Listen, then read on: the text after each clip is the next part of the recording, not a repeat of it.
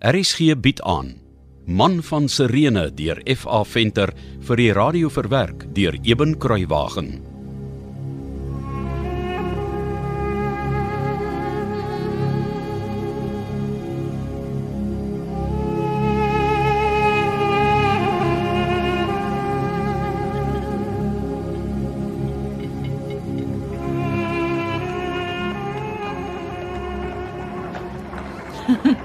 Sis tog. Ons arme ou twee swart eseltjies lyk so klein en nederig tussen al die vinnige pakdiere op die breë besige pad. Ja, maar moedertjie moet darm ook onthou ons is nou op een van die breedste en besigste paaie wat wat die Romeine tussen Joppe en Jerusalem gebou het. Ja. Glo my, tussen jou vader en die seegeel het ek al als gehoor. Hulle het amper gespog daarmee. Ja, mense sweer hulle twee die pad gebou. Ag, ek is seker die Siegel sou wat wou gee om net een keer weer 'n karavaandrywer op so 'n pad kon wees. Ja, voet tog. Ek dink ook nogal so. Ek kyk net hoe kronkel die pad oor die heuwels en deur die valleie. Dis eintlik heel ongelooflik wat die Romeine vermag het, né? Op. Jy moet tog asseblief nooit dat jou vader hoor ek het ooit iets goed van die Romeine gesê nie. Ek beloof. Behalwe nou vir die hout wat mense op die pakdiere kan sien. Wat vervoer die mense als dink jy Rufus? O, daar's papierisbale soos byvoorbeeld op daardie kamele wat daar aan die ander kant aankom en bale katoen soos op daardie wa. Ja, ek sien. Oef. Het jy daai stapels velle geryk wat net nou van voor af by ons verbygekom het? O, Mense het nie eens nodig gehad om te kon sien om te weet wat daardie karres op hulle wa vervoer nie. oh, dit moet vreeslik wees om dagreise ver te trek met 'n vrag wat so skerp ruik die hele tyd onder jou neus. ja, nee, liewer hulle as ek. Verseker. Ah, die heuwels en valleie van Judea lyk vir my so koel en verwelkomend. En kyk net hoe pragtig begin die eerste groen blaartjies van die lente deurbreek. Is dit nie wonderlik nie? En dan kan ek myself mos vergaap in al die kleure veldblomme wat omtrent so ver as wat jy kan sien oor die gelyktes in die heuwels uitgekom het. Mm, soos 'n groot bond kombers. Dit is nê. Nee. Het moeder al gehoor hoeveel verskillende tale mense op die pad praat? Dis regte klein Babel. Ja, ek moet erken. Behalwe vir die Jode wat ons teekom, verstaan ek nie 'n snars van wat die mense om my sê nie. Ek sal nie eers kan raai waar hulle vandaan kom nie. Wel, ek herken die Grieke, Perse en Siriërs wat verbykom, maar hoofsaaklik aan hulle klere dra. En behalwe vir die Grieke, weet ek ook nie altyd mooi wat hulle sê nie. Ek's bly jy verstaan ook net wat die Grieke sê. Ek het al begin dom voel my kind. Ah, is jy nie al moeg gestap nie? Nee, wat? Ek's nog heel gemaklik, dankie moeder. Stap ek ons nie vreeslik vinnig nie. O nee. Jou vader en die seegeel is 'n hele end agter ons, hoor? Hmm, seker maar oor die agterste donkie so swaar gelaai is. Fooi tog. Ja, seker. Ek het baie lekker die afgelope paar maande in Joppe gebly. En jy? Baie. Ek het eintlik heel lief vir die plek geword. Ek ook. Om die waarheid te sê, ek en jou vader was baie lus om daar te bly, maar Ag, soos jy weet, Ja, dis te veel Romeine. Met te veel Romeinse skepe wat gedurig daar aangedoen het. ja, presies. En Rome sal nie vergeet van die bloedvergieting en die opstand in Sirene nie. Nee. Maar ek dink ons sal baie veiliger in Jerusalem wees. Al is daar ook baie Romeine. Jy bedoel omdat daar soveel meer Jode in Jerusalem is. Ja, ons sal as te ware kan wegraak in die Joodse gemeenskap. Ja, is min of meer wat jou vader ook vir my gesê het. Maar ek dink dit was eintlik meer sy verskoning om nie te erken dat jou en my aandrang om na Jerusalem te gaan vir hom te veel geword het nie. Ek dink ook so. Buitendien my liewe moedertjie, daar's nie wonderwerke in Joppe nie. Ek hoor van so baie wonderlike dinge wat in Jerusalem en Galilea gebeur. Ja, ek ook. Dis hoekom ons met Paase in Jerusalem moet wees. En vir altyd daarna. Moeder, ek weet sommer ons sal hierdie Paase nooit vergeet nie. Ek kan dit nie verklaar nie, maar maar ek is doodseker ons gaan iets beleef wat ons vir altyd gaan verander. Ja, ja, ek ook my seun. Ah, As ek tog net jou vader kon oortuig om minder skepties te wees. Om net een keer na die man van Galilea te gaan luister. Om miskien selfs van aangesig tot aangesig te ontmoet. Ek glo Vader sal nog. En ek glo vas hierdie man se ons hele gesin ook nog verander vir altyd. Ja. Ek hoop jy's reg.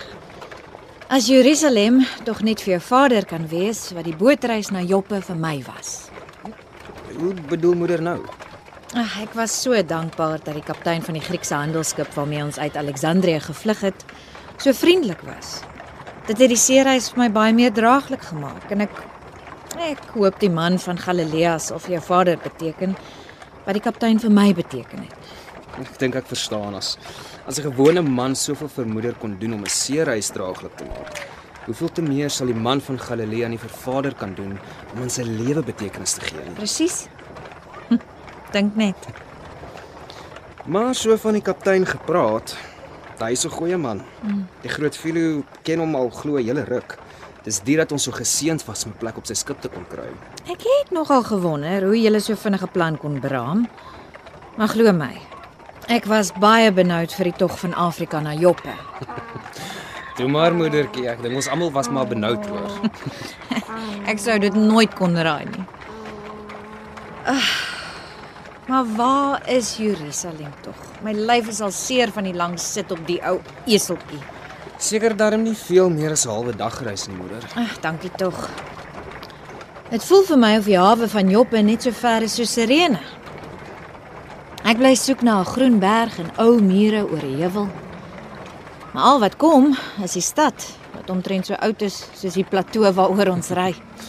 Moeder moet net moed hou. Dis nou nie meer so ver nie. O, oh, ek hoop jy's reg my kind. Ek hoop regtig so.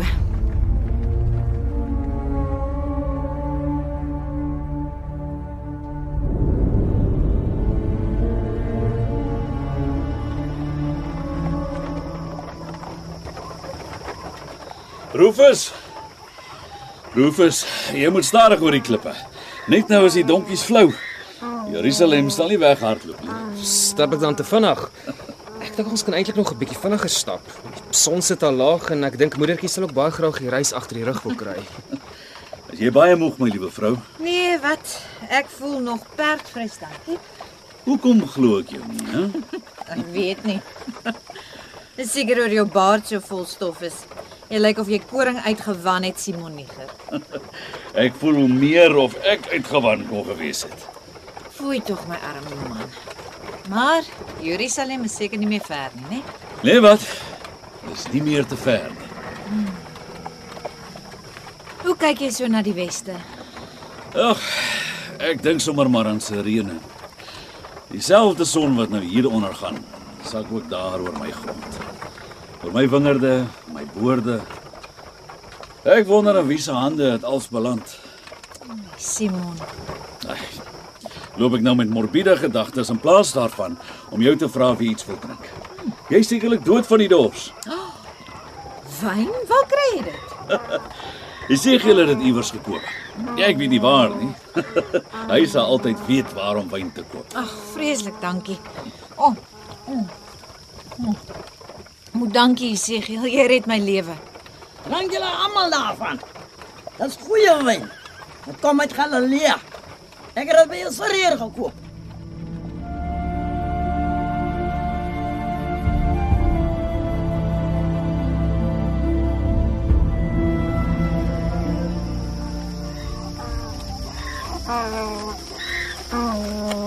Rufus, stap 'n bietjie stadiger dat die seegeel ons kan inhaal. Daardie ou eseltjie is regtig baie swaar gelaai en ek wil daarom hê hy moet Jerusalem nog haal. Goed vader. Kom Isegiel, die son trek water. Ja, kom Rufus. Jy net kans, jong. Haai my kind. Stap maar nog 'n bietjie stadiger dat die Sigiel ons kan inhaal. Jy weet mos nou, die ou eseltjie is so swaar gelaai. Of is dit dalk net die ouderdom wat so swaar op party mense se skouers rus? Rufus, Simon, waar lê Galilea van waar ons nou is? Daar na die noordooste toe. Galilea lê daar, ander kant Samaria. Is dit ver? Nee, seker nie te ver nie. Hoekom vra jy Debora? Ek meen, wie praat nou van Galilea as jy op pad is na Jerusalem? Wel, hulle sê Galilea is mooi wêreld. Baie heuwels, valleie en fonteine. En ek hoor daar's glo 'n groot meer ook. En armoede. Nou mag wees, maar ons kan gerus eendag gaan kyk.